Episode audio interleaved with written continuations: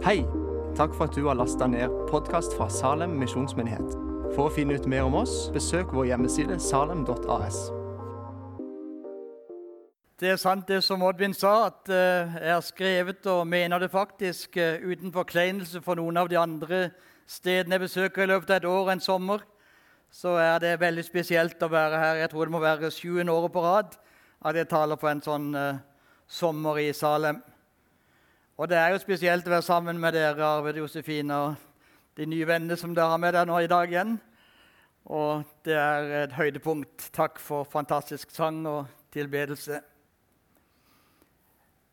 Jeg kommer altså samtidig uten eh, Det har ingen sammenheng med det, men jeg kommer altså sammen med samme palmesus den samme helga som de. er Og det hadde, det hadde et par, par praktiske konsekvenser, i alle fall. Vanligvis bor jeg på Hotell Norge når jeg er her nede den, dette døgnet. her.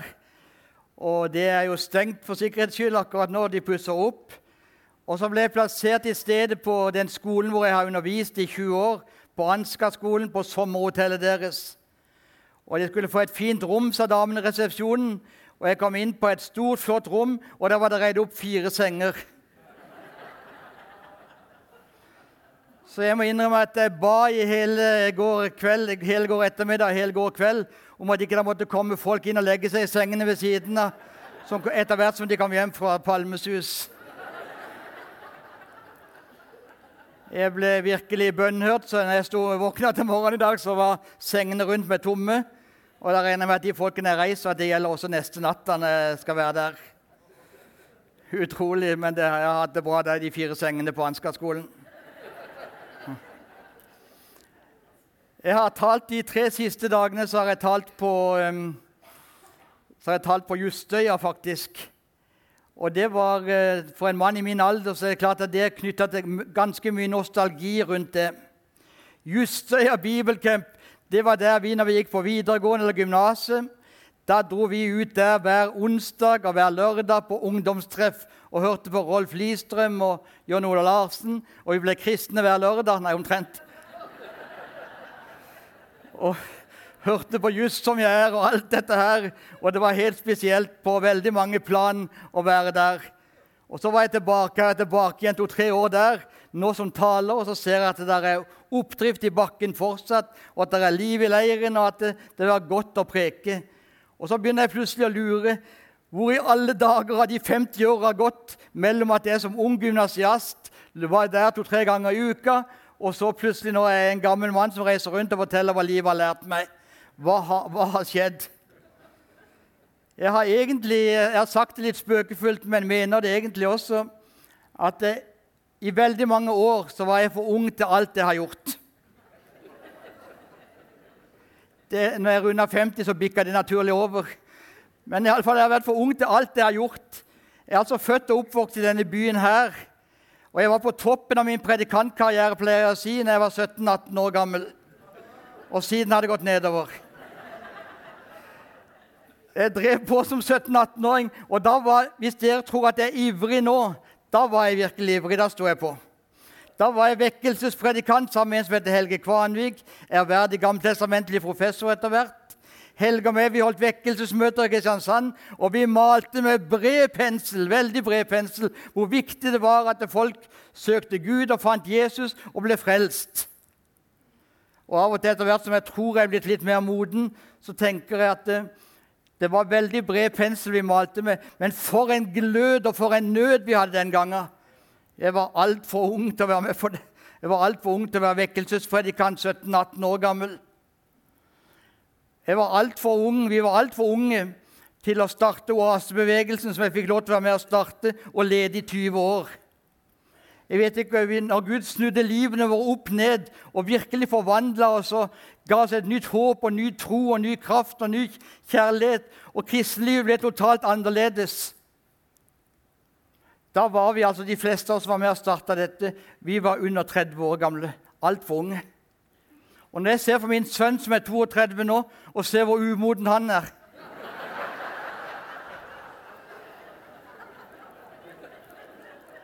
Så tenker jeg det er jo nåde alt sammen.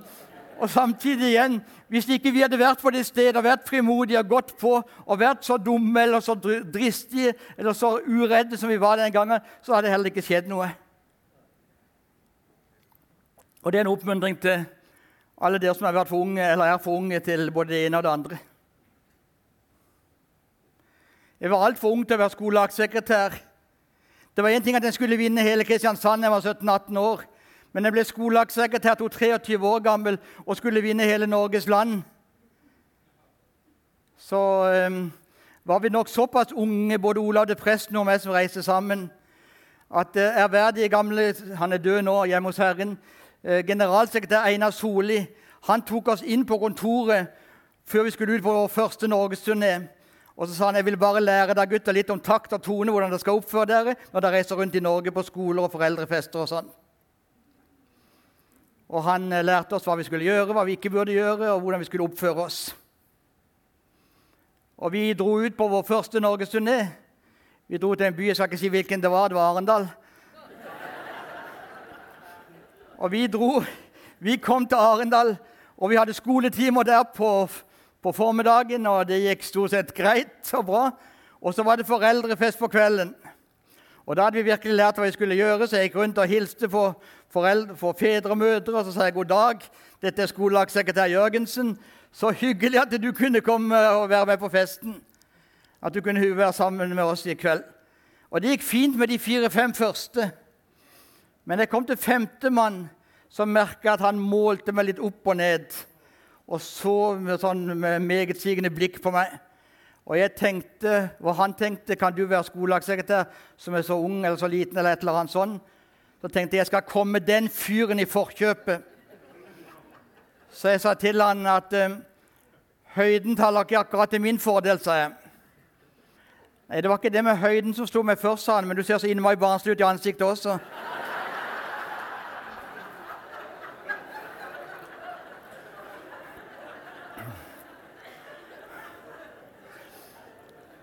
Det er sånne ting en vokser på hvis en kommer gjennom det. Og det har jeg altså prøvd å gjøre i 50 år siden den gangen her. Og nå er jeg tilbake her, og nå skal jeg begynne å dele det som virkelig er, eh, ligger meg på hjertet denne kvelden her. Jeg skal ikke, fordi jeg ikke har noe annet stoff, lese fra disse to bøkene for dere. Men jeg har fått to bøker. Den ene heter eh, 'Etterlyst bergprekens Jesus' av Oskar Skarstaune og den andre heter 'Fri til å tjene' av Magnus Malm. Og De to bøkene har rysta meg det siste halvåret. De har rysta meg det siste halvåret. Jeg husker forrige gang en bok virkelig rysta meg og tok tak i meg. Det var når jeg leste 'Veiviser' av Magnus Malm for 30 år siden. Da kjøpte jeg den i Sverige en ettermiddag husker jeg, og leste på hotellet til morgenen etter og var fullstendig tatt av det. Og Sånn har det vært med disse to bøkene også. Jeg skal i løpet av preken si litt mer om hvorfor, og hva som er budskapet som har tatt tak i meg, og som av og til har gjort det sånn at jeg lurte på kan jeg være kristen, eller hvordan har jeg brukt livet mitt i det hele tatt? Hva har vært viktig, og hva har ikke vært så viktig? Vi satt eh, fire kamerater på en restaurant. De skulle feire min 70-årsdag i fjor. Og Vi satt fire kamerater på en thailandsk restaurant i Oslo. Den ene var gått av som biskop, den andre hadde vært professor på MF. Den tredje hadde vært terapeut på Modum. Og så satt vi der. Og så hadde vi det gøy, litt sånn gøy fra begynnelsen, og så begynte den ene å si 'Har du lest den boka?' Har du lest den boka? Og i stedet for at vi er jo en munter gjeng egentlig, og det er vi fortsatt, men så begynte vi å si til hverandre Hva er det det egentlig handler om? Hva er egentlig det viktigste? Og Derfor skal jeg snakke i kveld om Han som både bekrefter og forandrer og utfordrer oss. Det er et mantra for tiden. Det betyr noe som folk stadig vekk snakker om. Eller som en fastlege sa, en nødpille, eller en fastlege skrev, en nødpille. Og det mantraet det som lyder alle steder, overalt hvor vi kommer, det er dette ordet her. Du er god nok. Du er god nok. lyder det overalt i samfunnet, og det lyder fra haugevis av prekestoler, kristne prekestoler i Norge også. I en tid hvor ikke minst dagens unge, men også vi som er eldre, skal være flinke i alt, og våre prestasjoner, vårt utseende, vårt sosiale liv skal kringkastes i høy hastighet på sosiale medier. Ikke rart at vi blir slitne, at vi blir psykisk overbelastede og fulle av skam. Det er sikkert for noen mennesker godt å høre at du er god nok. Det er så mange krav, det er så mange umulige ting, det er så mange ting jeg skal leve opp til. Det er sikkert godt å høre at du er god nok. Det er godt ment, og det hjelper et stykke på vei. Men jeg har bestemt meg i kveld, og nå skal jeg være litt spiss bare for å få fram et poeng her. Jeg lurer på om vi skal dette at du er god nok, at vi skal overlate det til selvhjelpsguruene og populærpsykologien uten å si noe spesielt galt mer om det. Det kan være det hjelper, og det hjelper et stykke på vei, men det hjelper aldri mer enn et stykke på vei.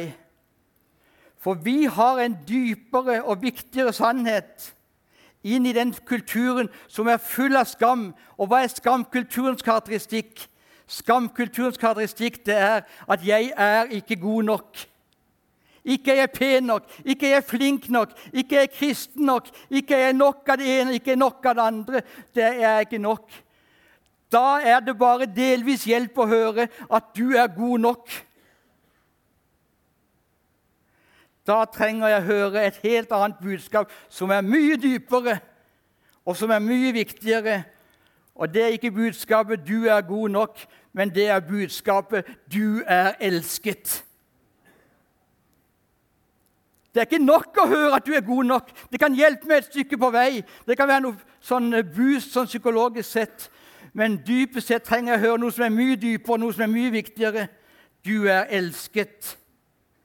Det er ikke en diagnose, det er en identitet som jeg kan bygge på i liv og død. Og Hvorfor tar jeg dette her opp? Fordi denne boka, eller disse bøkene har tvunget meg til å gå tilbake til Guds eget ord. Og Når jeg leser evangelien og leser om min mester, min herre og min venn Jesus, så ser jeg at han gikk rundt. Han gikk ikke rundt og sa at vi, er, dere er gode nok som dere er, og i grunn til å bekrefte oss. Du er god nok, du er god nok, du er god nok. Jesus han forandra mennesker. Han ga dem nytt liv. Og hvem var det som flokka seg rundt mesteren? Hvem var de som hang med, hvem var de som hang med Jesus? Det var de som lengta og ønska forandring. Det var de som ikke hadde noe godt liv, enten det var selvforskyldt eller påført av andre mennesker. De som hadde det sånn passe og hadde det greit, de hang ikke så mye rundt Jesus. Men de som hang rundt Jesus, det var de som ønska en forandring. Og jeg er dypt overbevist, mine kjære venner, og jeg håper at jeg ikke sårer noen. Det er ikke det som er meninga med dette jeg nå sier. Men jeg tror at den bekreftende forkynnelsen, som aldri kommer lenger enn til å si 'du er god nok', den vil forkynne seg selv inn i overflødighet og likegyldighet på sikt. Det er viktigere ting. Vi har et viktigere budskap. Jesus vil, Jesus vil bekrefte oss, han vil tilgi og elske oss. Men det Jesus først og fremst vil gjøre, det er å frigjøre oss og løse oss fra alt det som binder oss. Han ønsker å forandre oss. Jesus ønsker å løse oss, frigjøre oss fra alt det som binder oss. Ikke bekrefte oss sånn som vi er, først og fremst, men frigjøre oss og gjøre oss til andre mennesker. Hva er syndens store problem? Hva er synden egentlig handler om? Synden handler om å være bundet. Og hva er det Jesus da kommer for å gjøre? Han kommer for å møte mennesker som er bundet. Det er enkelt å se når mennesker er bundet av alkohol og rusmidler. Men også vi pene, pyntelige, vi er også bundet av sex, av baktalelse, av halvsannheter, av løgn, av mammon, av materialismen, som kveler oss nesten alle sammen, av havesyke. Han er kommet for å løse oss og frigjøre oss fra oss sjøl først og fremst fra vår egen selvopptatthet, hvor alt bare dreier seg om meg og meg og meg og mitt og mitt og mitt. og mitt. Da er det ikke nok å høre du er god nok. Da trenger du å bli fri, og da trenger du å høre at du er elska. Vi kjenner Sakkeus alle sammen fra søndagsskolen. De fleste av oss i alle fall, de har hørt om Sakkeus. Sakkeus var en liten mann. Klatret opp i et mor... Ja, da kan jeg sangen.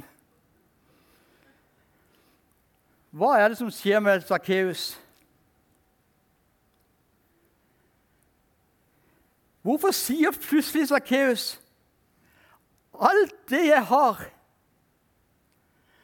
Halvdelen vil jeg gi til de fattige, og den andre halvparten vil jeg gi, den andre halvparten den vil jeg gi, vil jeg gi firedobbelt igjen til de jeg har snytt og tatt for mye betaling av. Hva er det som har skjedd? Legg merke til at det står ingenting i den beretningen om hva som skjedde først. Men det som er et overbevis om at skjedde først, og som gjorde denne store forandringen i Sakkeus sitt liv, at hele livet hans ble forandret Det var jo at han møtte Jesus. Som med sitt blikk og Vi vet ikke om han sa noe, eller hva han sa, i det hele tatt, men som bare med sitt blotte blikk og sitt nærvær gjorde at Sakkeus forsto jeg er elska akkurat sånn som jeg er. Jeg er elska, jeg er anerkjent, jeg er godkjent sånn som jeg er. Her har jeg da nåde i mitt liv. Og så er svaret på den nåden der at han begynner med et forandra, helt nytt liv. Jesus elsker deg uansett. Og så er mitt budskap, og det tenker jeg er kjempeviktig at vi får med oss Jesus elsker oss uansett. Jesus ønsker å møte oss samme sted hvor vi er, samme hvor smutsige vi er, samme hvor slags bakgrunn vi har, samme hva vi har med oss i bagasjen vår. Jesus elsker oss uansett. Det er ikke én i Salem som går fri. Jesus elsker oss alle sammen. Og Jesus elsker oss, og Jesus møter oss der vi er, for at vi skal slippe å forbli sånn resten av livet. Jeg sier det en gang til. Jesus møter oss akkurat der vi er, sånn som vi er, for at vi skal slippe å være sånn resten av livet. Tenk hvis Jesus da kommer og bekrefter oss. 'Det er greit nok, Sakkeus. Det er greit nok.' Nei, han kommer og sier, 'Jeg elsker deg, jeg er glad i deg, jeg har dødd for deg.' Men i møte med den kjærligheten, den kjærligheten er det eneste som er utgangspunktet for et annerledes liv. Ikke ved at jeg får høre 'du er god nok'. Det er ikke det jeg trenger å høre. Jeg trenger å høre jeg, jeg elsker akkurat sånn som jeg er. Og så ut fra det så springer det fram et nytt liv. Den ubetinga kjærligheten er, er utgangspunktet for alt liv.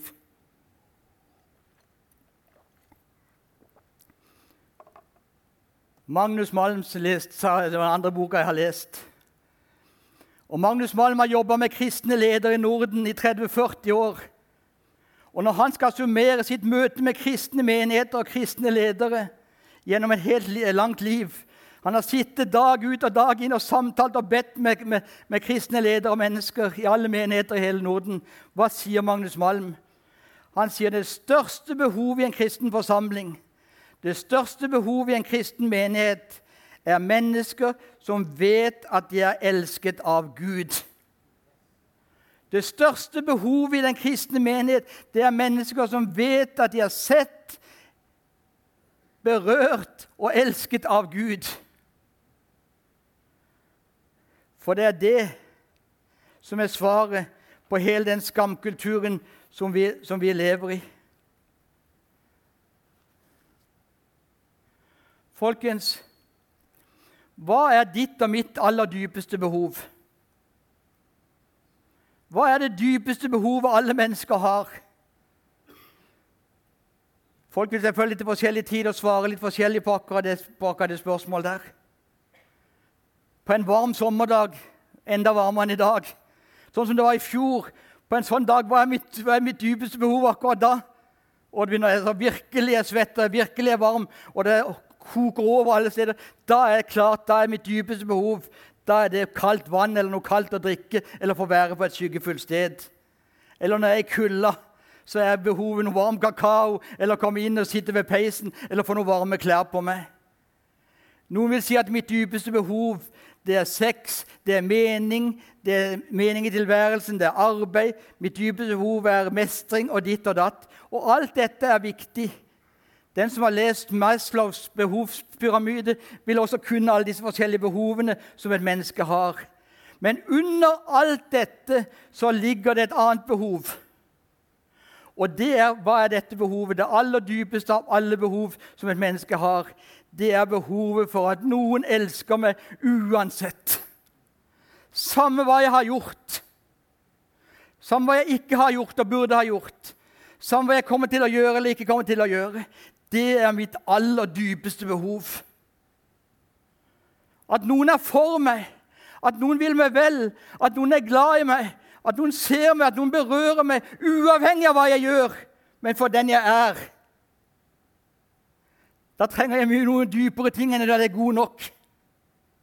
Da trenger jeg å komme ned på dypet det dypeste behovet har, da trenger jeg at det blir fylt. Men hvis ikke jeg får fylt mitt aller dypeste behov, som er behov for at noen elsker meg uansett, så går vi i gang med det som vi holder på å slite oss ut på, og som mange av oss har brukt nesten et liv for å slite oss ut på. Da går vi i gang med kompenserende atferd. Da må vi gjøre noe annet i stedet. Hvis jeg ikke har fått tatt imot dette, at jeg elsker akkurat sånn som jeg er, at jeg har fått fylt denne bøtta for ubetinga kjærlighet, som er det som er det som kan drive meg, og som kan forandre livet mitt og forandre omgivelsene mine, så må jeg kompensere. Og det er ganske slitsomt både for meg, men det er enda slitsommere for de som er rundt meg. Da må jeg vise at jeg er verd noe. Og hvordan kan jeg vise at jeg er verdt noe, at jeg står for noe? Jo, da kan jeg være kontrollerende, da kan jeg være dominant, da kan jeg være arbeidsnarkoman, da kan jeg stå på. Da kan jeg være konfliktskapende, sånn at folk kan se at jeg er verdt noe. Og så bruker jeg alle mine krefter på dette. Og når jeg ikke orker det mer, try a little harder, try a little harder. Så gir jeg opp, og så ender jeg inn motsatt ytterligheten. Og da blir jeg opp, og da blir jeg deprimert og oppgitt og passiv. Det nytter jo ikke allikevel. Jeg har endelig fått et barnebarn. Holdt på å si endelig. Jeg har ikke gjort noe for det. Jeg har endelig fått et lite barnebarn, lille Iben, som snart er tre år. Og jeg elsker når lille Iben roper og sier, 'Farfar, farfar, se meg, se meg, se meg.' 'Se hvor flink jeg er, farfar.' 'Jeg hopper en gang til, farfar.' Og så 'Se hvor flink jeg er, farfar.' 'Jeg kan gjøre dette også, farfar. Skal jeg gjøre det en gang til, farfar?' Og så gjør du tolv ganger til. Se hvor flink jeg er. Det er sjarmerende med små barn som sier 'Se hvor flink jeg er'. Men fy og slitsomt det er med alle de som er like gamle som meg, og som er 30, 40 og 50 år, og som holder på på samme måten, men bare mye mer raffinert. Som, ikke, som, er såpass kloke i hodet sitt at de gjør det på en litt mer raffinert måte. Tar ordet, tar, blir sentrum, blir den som alt dreier seg om, sånn at folk kan se at jeg er åndelig, eller at jeg er flink, eller at jeg er ditt eller datt. Og hva handler det dypest sett om? Det handler om at den bøtta renner alt rett igjennom. Den bøtta som skulle bli fylt av ubetinga kjærlighet. Som er utgangspunktet for alt liv og for all tjeneste. Det er ikke nok å høre at du er god nok. Jeg trenger å bli fylt av, og jeg trenger å få dekka mitt aller, aller, aller dypeste behov. Og mitt aller, aller dypeste behov det er at noen er glad i meg for meg uansett. Og så er jo ikke livet helt rettferdig. Gud er rettferdig, men livet er søren ja, Det vil ikke banne fortsatt på Sørlandet. Livet, livet er søren meg ikke rettferdig alltid. Gud er rettferdig, men livet er ikke rettferdig. For så sitter det noen her som har fått i bøtter og spann av ubetinga kjærlighet og vært elska for den de er, uansett. Og så sitter det noen her som nesten ikke vet hva jeg snakker om. Og så sitter kanskje hovedgjengen midt imellom, som er midt imellom disse ytterpunktene her. Og så sier jeg at livet er ikke rettferdig.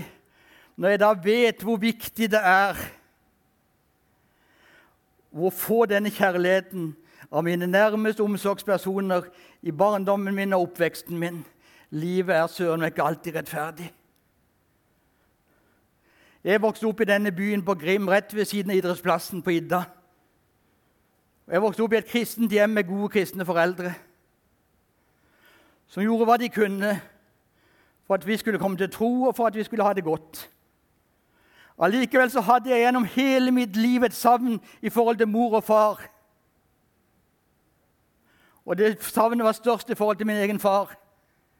Og det var at jeg ikke bare skulle premieres når jeg gjorde det godt på skolen, når jeg talte godt på Oase, når jeg var flink til å gjøre ditt eller gjøre datt, men at jeg kunne få skinne igjennom, at jeg kunne bli møtt med dette, at de elska meg uansett.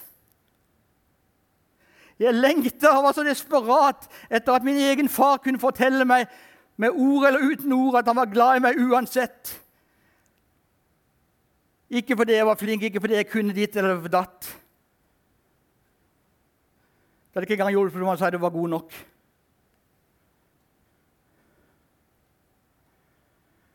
Så jeg gikk i sjelesorg i mange år. Og den kloke sjelesørgeren sa til meg Jens Petter, jeg tror vi må gå inn for plan B nå, sa han. Og hva var plan B? Det var å forsone seg med at jeg aldri fra de som jeg mest av alt trengte å høre det fra, fikk høre at jeg var elsket akkurat sånn som jeg var. Det kan være at far dør uten at du får høre det noen gang, sa han. Og så får vi bare satse oss og ga med noen råd videre. Far fikk på sine gamle dager slag. Hjerteinfarkt og slag og endte sitt liv på Grimstunet. De siste årene bodde han på Grimstunet like nedenfor Ravnedalen. Og Jeg kom, bodde i, bodde i Oslo og Lørenskog, som jeg har bodd i hele mitt liv. Og Så besøkte jeg far en gang iblant. Og Så kom jeg en dag, og da var far ganske dårlig, men han smilte som en sol når jeg kom inn, i, jeg kom inn på rommet hans. Og så sa han, 'Hei, Jens Petter, vet du hva?' Disse søstrene, som han kalte de, det var de som pleier han. Disse søstrene, vet du hva de har sagt til meg de siste dagene? Nei, jeg visste ikke det. De har sagt at de kjenner deg. Og så har de sagt at de har hørt deg tale på forskjellige møter på OAS eller hvor det har vært. Og så vet du hva de har sagt, sa han. De har sagt at de, de er blitt så glad i deg. Da skjønner du det på den gode måten. De er blitt så glad i deg. Da tok jeg en pause. Og så stilte jeg mitt livs modigste spørsmål. Svelga tre-fire ganger. Og så sa jeg, 'Far, hva mener du, da?' Da ble det stille. Veldig stille. Veldig lenge. Så faller tårer, renner tårene nedover fars, fars kinn. Og så sier han til meg, 'Jeg har aldri fått til å si det, Jens Petter.' 'Men jeg vil bare du skal vite at jeg er glad i deg akkurat sånn som du er.' Og Så begynte han på en lekse som han sikkert kunne utenat. Men jeg har ikke vært noen god far, så legg nå vekk det, i alle fall, da, sa jeg. Og Så sa han en gang til. 'Jeg er glad i deg akkurat sånn som du er.' Så gikk jeg ut av det rommet. Mange kilo lettere det jeg hadde lengta etter, det som var mitt dypeste behov, gjorde at jeg, Nå slapp jeg all den kompenseringen som jeg måtte gjøre på å være flink hele tida. Å være noe, å være midtpunkt på alle mulige måter. Å hente berømmelse for et eller annet. Nå kunne jeg slappe av, nå kunne jeg senke skuldrene. Og så gikk jeg ut og så takka jeg Gud og så takka jeg far, som hadde, at Gud hadde åpenbart dette for meg helt til slutt. Og så var det mitt siste besøk hos far. Tre uker etter døde han og så var hans liv over. Men han hadde fått sagt det viktigste av alt. Han har fått sagt det som trengs mest av alt. Og det er ikke at du er god nok, men det er at du elsker akkurat sånn som du er. Det er noe helt annet.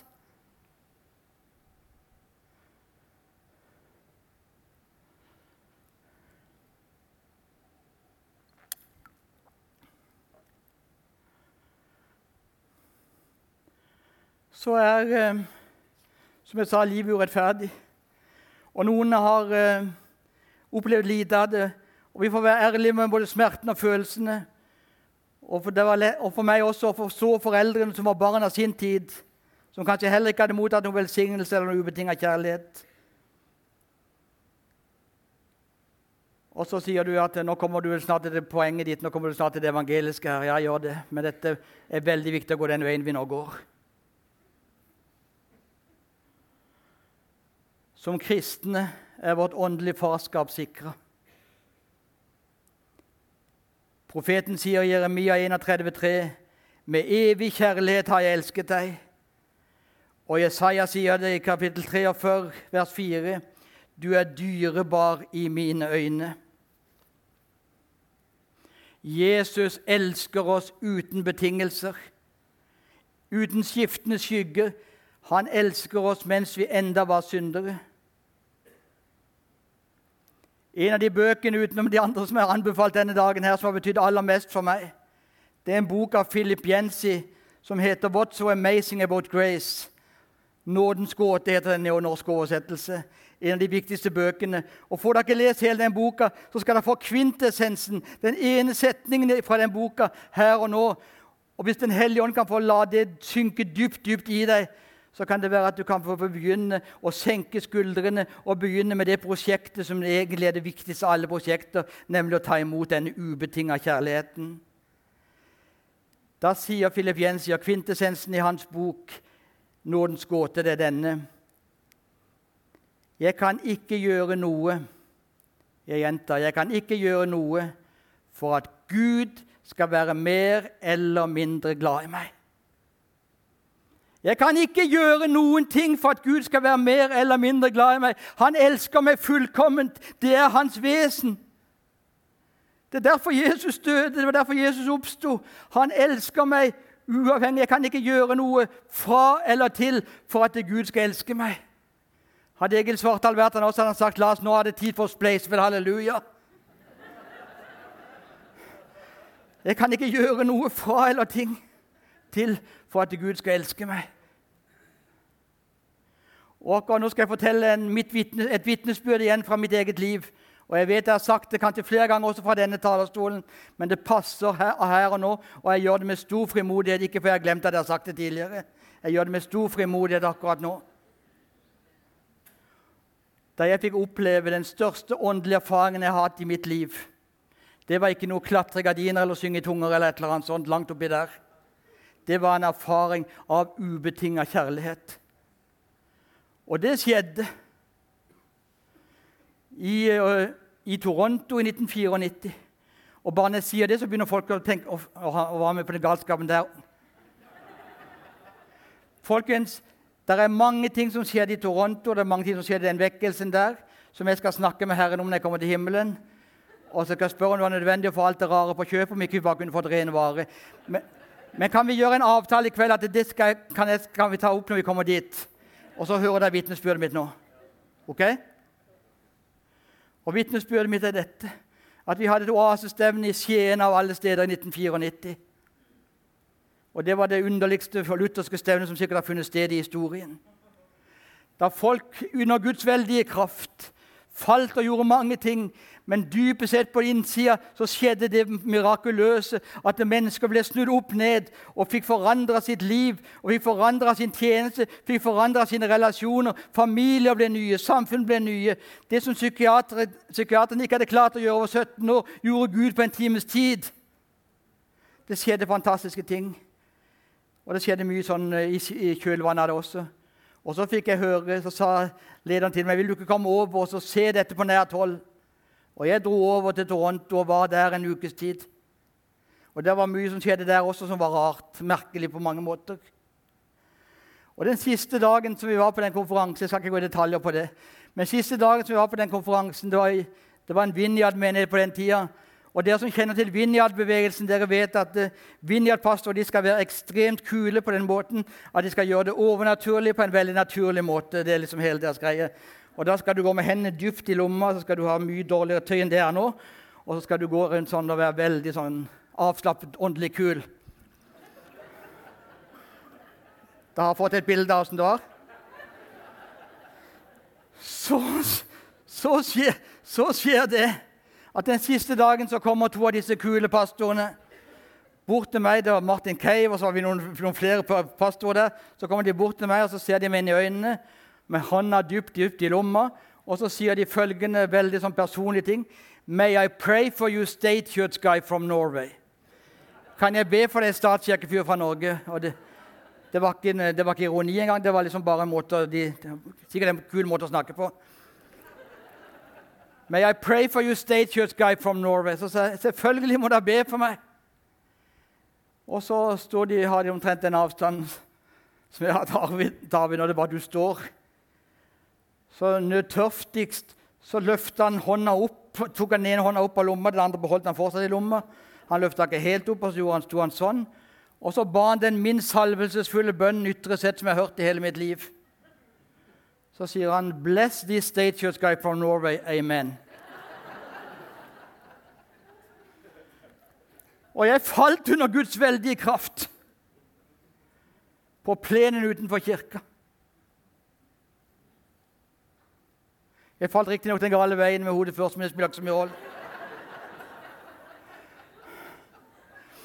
Men Martin og, de, Martin og de andre som var der, sa at det var ikke noe vakkert syn, de tre kvarterene som kom der. Og det tror jeg så gjerne. For vi sørlendinger har ikke så vanskelig for å gråte og hulke litt herfra opp. Men da gråt jeg fra, bunnen, fra magen min i tre kvarter. Jeg hulkegråt.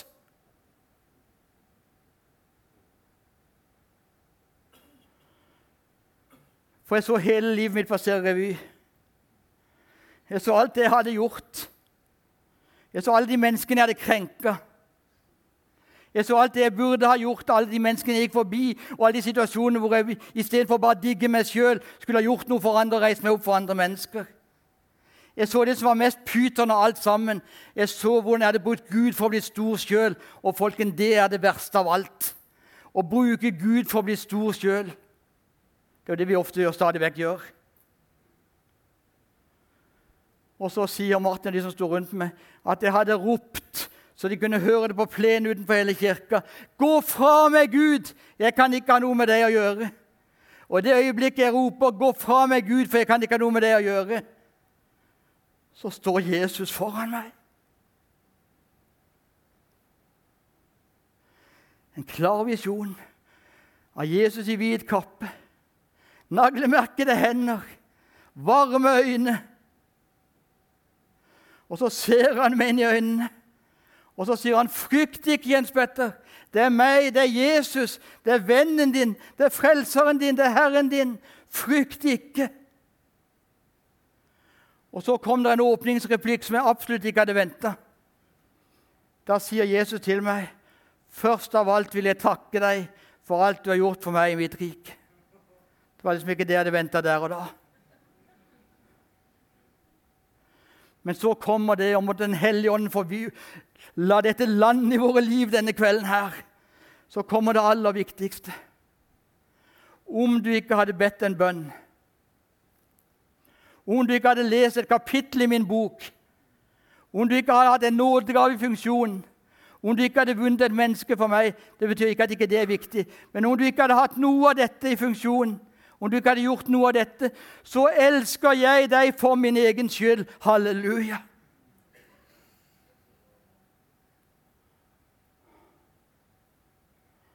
Da brast alt. Da røk alle demninger. For den flinke gutten som hadde prøvd å være åndelig flink, som hadde prøvd å være menneskelig flink, som hadde prøvd å dekke alle de manglende behovene av å få dekka det som er det viktigste av alt i livet, den ubetinga kjærligheten.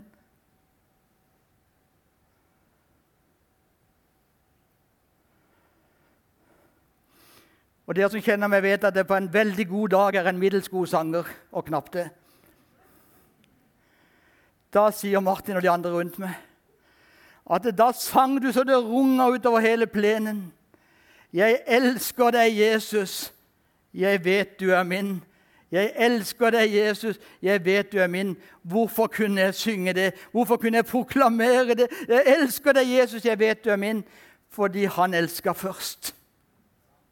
Hva handler det om for noe? Vi elsker. Vi forandrer omgivelsene fordi vi er blitt elska først. For vi har fått fylt noe av våre aller, aller, aller dypeste behov, behovet for kjærlighet. Ikke at vi er gode nok, men at vi får en ubetinga kjærlighet midt i det livet vi lever. Og idet Jesus-skikkelsen er i ferd med å forlate meg og gli bort, så hører jeg de ordene igjen som jeg kan gjenkalle når jeg står her og snakker med dere denne kvelden her. Det viktigste er å la seg elske, og la seg elske, og atter igjen la seg elske. Folkens, hva er det viktigste, og hva er det vanskeligste i det kristne livet og i livet i det hele tatt? Det viktigste og det vanskeligste, og det vi desperat trenger Helligånden til, det er at vi lar oss elske. Så vi kan få senka skuldrene våre. Så ut fra den posisjonen kan vi være med å forandre og si som Sakkeus sa, at nå vil jeg gjøre sånn og sånn istedenfor det jeg har gjort før. Nå vil jeg gi mitt liv til det og det fordi jeg er elska, og ikke med noe annet utgangspunkt.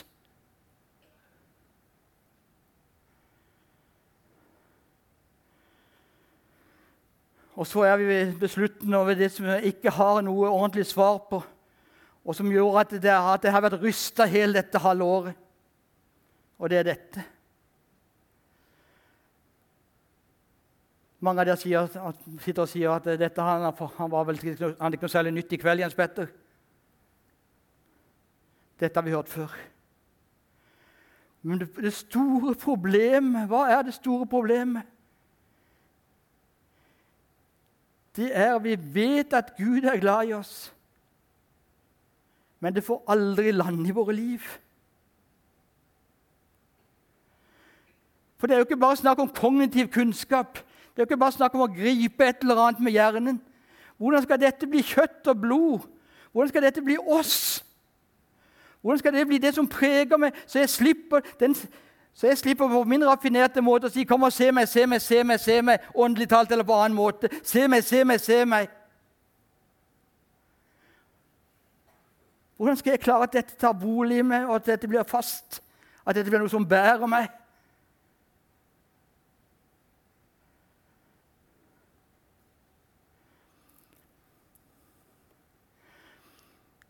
Det er mulig det er en andre historie, men det er et godt poeng til å illustrere på det jeg nå snakker om. Det fortelles om en mor og en far og en liten jentunge på fire år gammel som bodde ute på landet. I et hus ganske på, alene ute på, på, landet. Og der En natt så blåste det opp, og det ble regn, og det ble, det ble regn, og det ble torden, og det ble tordenvær. Det ble, det ble regn, og det ble, det ble regn, og det ble tordenvær. Og det, det skrangla. Og da, kom, da, kommer, da kommer far eller Da kommer den lille babyen, eller den lille fireåringen inn og legger seg mellom mor og far og skjelver og rister. Og så sier, så sier, den, lille, så sier den lille, så sier den lille fireåringen Eller så sier pappaen til fireåringen jeg vet du er redd, jeg vet du er redd, dattera mi, når det lyner og torner på den måten her. Men du skal ikke være redd, for Gud passer på meg. Passer på deg. Da svarer fireåringen klokt og megetsigende.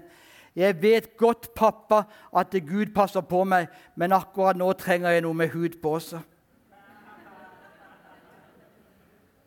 Folkens, vi trenger noen med hud på.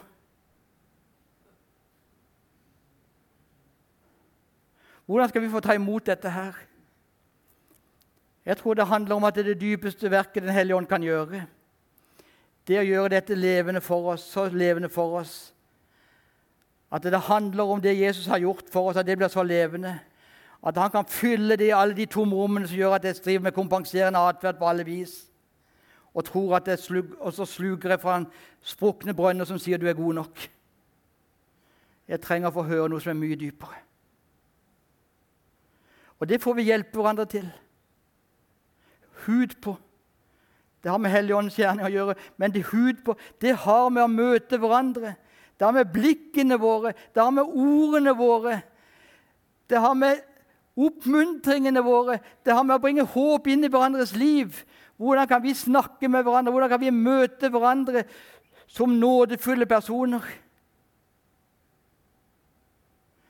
Vi trenger nådefulle personer. Vi trenger Å ha hud på Det vil si å være nådefull i forhold til hverandre. Og hva vil det si å være nådefull i forhold til hverandre? Det vil si å signalisere uten ord, og kanskje av og til om nødvendig med ord, at 'jeg er for deg', 'jeg vil deg vel', 'jeg vil deg det beste'. Å bringe ubetinga kjærlighet med, håp, med hud på, det er å bringe det budskapet til hverandre. 'Jeg er for deg. Jeg vil deg vel. Jeg vil deg alt det beste.' Jeg vil deg det beste, Geir. Jeg er for deg. Og så Fra den posisjonen der så kan det være du og meg både er uenige og vi skal rettlede hverandre og forandre hverandre. Men det som bare kan forandre oss dypest sett, det er at noen er for oss, at noen har en ubetinga kjærlighet til oss.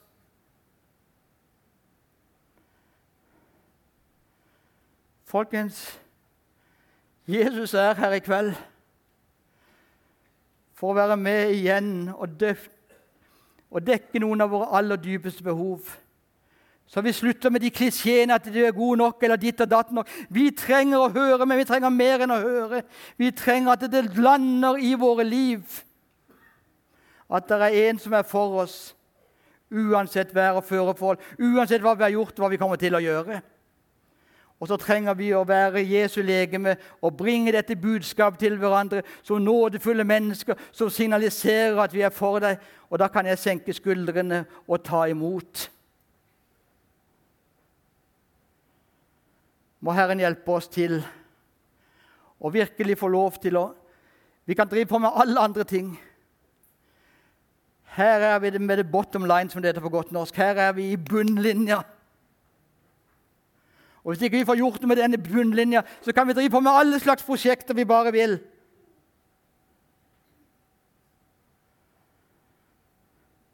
Og det blir veldig ofte bare kompenserende atferd, hvor vi trykker de andre ned eller mister motet sjøl. Men når jeg vet at jeg er både sett og elska og berørt, akkurat som den er av Gud og mennesker, så gir det en ny frimodighet. Hva trenger vår skamkultur mest av alt? Vi lever i en tid hvor, har, hvor skamkulturen er overalt. Og hva er det som er viktig i skamkulturens tid? Jeg tenker for, for første gang kulturelt for mange år så har vi svaret på skamkulturens problem. Og Skamkulturens problem er at jeg ikke er god nok, verken som menneske eller som kristen.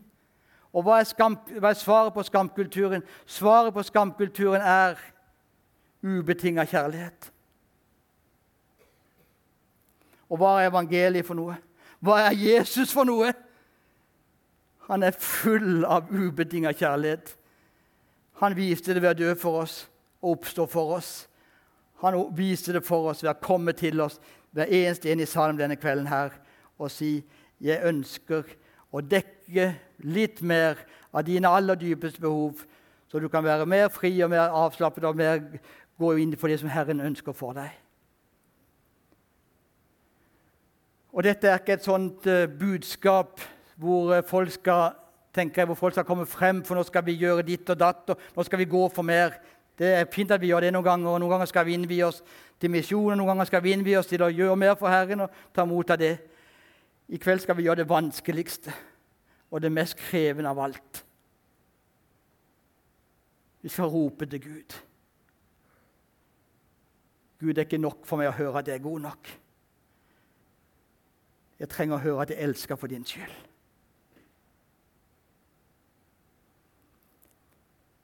Skal vi be om at Helligånden må gjøre det underet.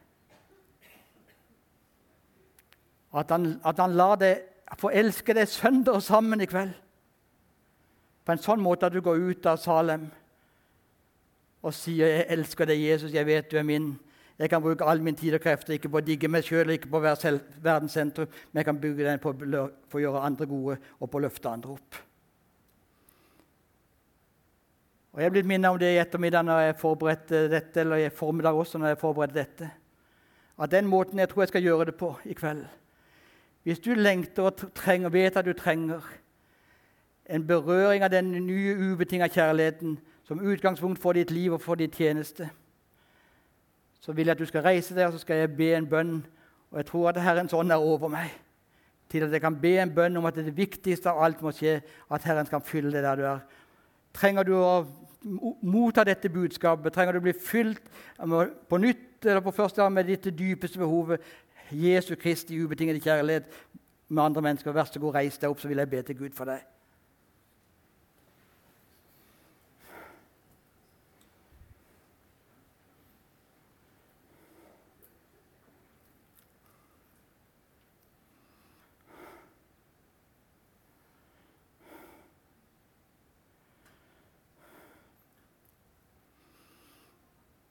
Herre, du vet at dypt, dypt der nede så er mitt største og dypeste behov at noen er glad i meg uansett. Og aller mest, Herre, at du er glad i meg uansett. Hva jeg har gjort, og hva jeg, ikke, til, hva jeg ikke, ikke har gjort, og hva jeg kommer til å gjøre. Og nå ber vi Herre om det som er det vanskeligste for oss alle sammen. At vi lar oss elske.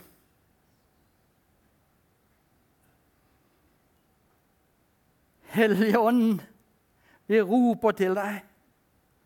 Kom og gjør det under i mine brødre og søstres liv her i kveld, at de lar seg elske. Ta imot det som er det viktigste av alt.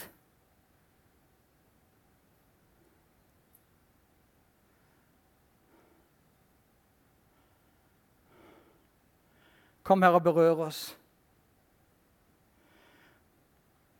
Og når vi har tatt imot all den ubetingede kjærligheten fra deg, Herre, ved Din Hellige Ånd, så ber vi om at vi må være nådefulle mot hverandre og løfte hverandre opp og signalisere når vi går herfra overfor hverandre i familien, på arbeidsplassen, i vennesamfunnet, i menighet, at vi vil hverandre vel, og at vi er for hverandre. Så vi kan få dekket det vi trenger aller mest å dekke i en tid hvor det er så mange krav hvor vi alltid skulle vært bedre, hvor det aldri blir nok. Kom, Hellige Ånd. Fyll oss, berør oss overalt der vi er i lokalet denne kvelden her. Herre, vi lengter etter at denne menigheten og de menighetene du representerer, først og fremst skal ha utgangspunkt at vi er elska sånn som vi er.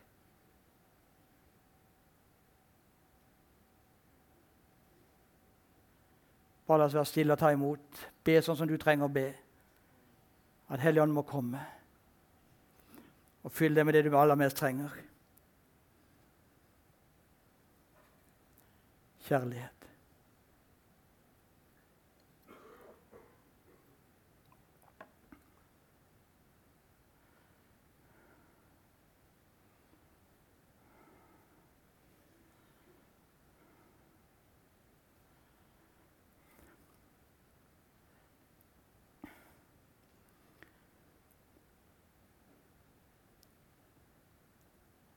Jeg tror at uh,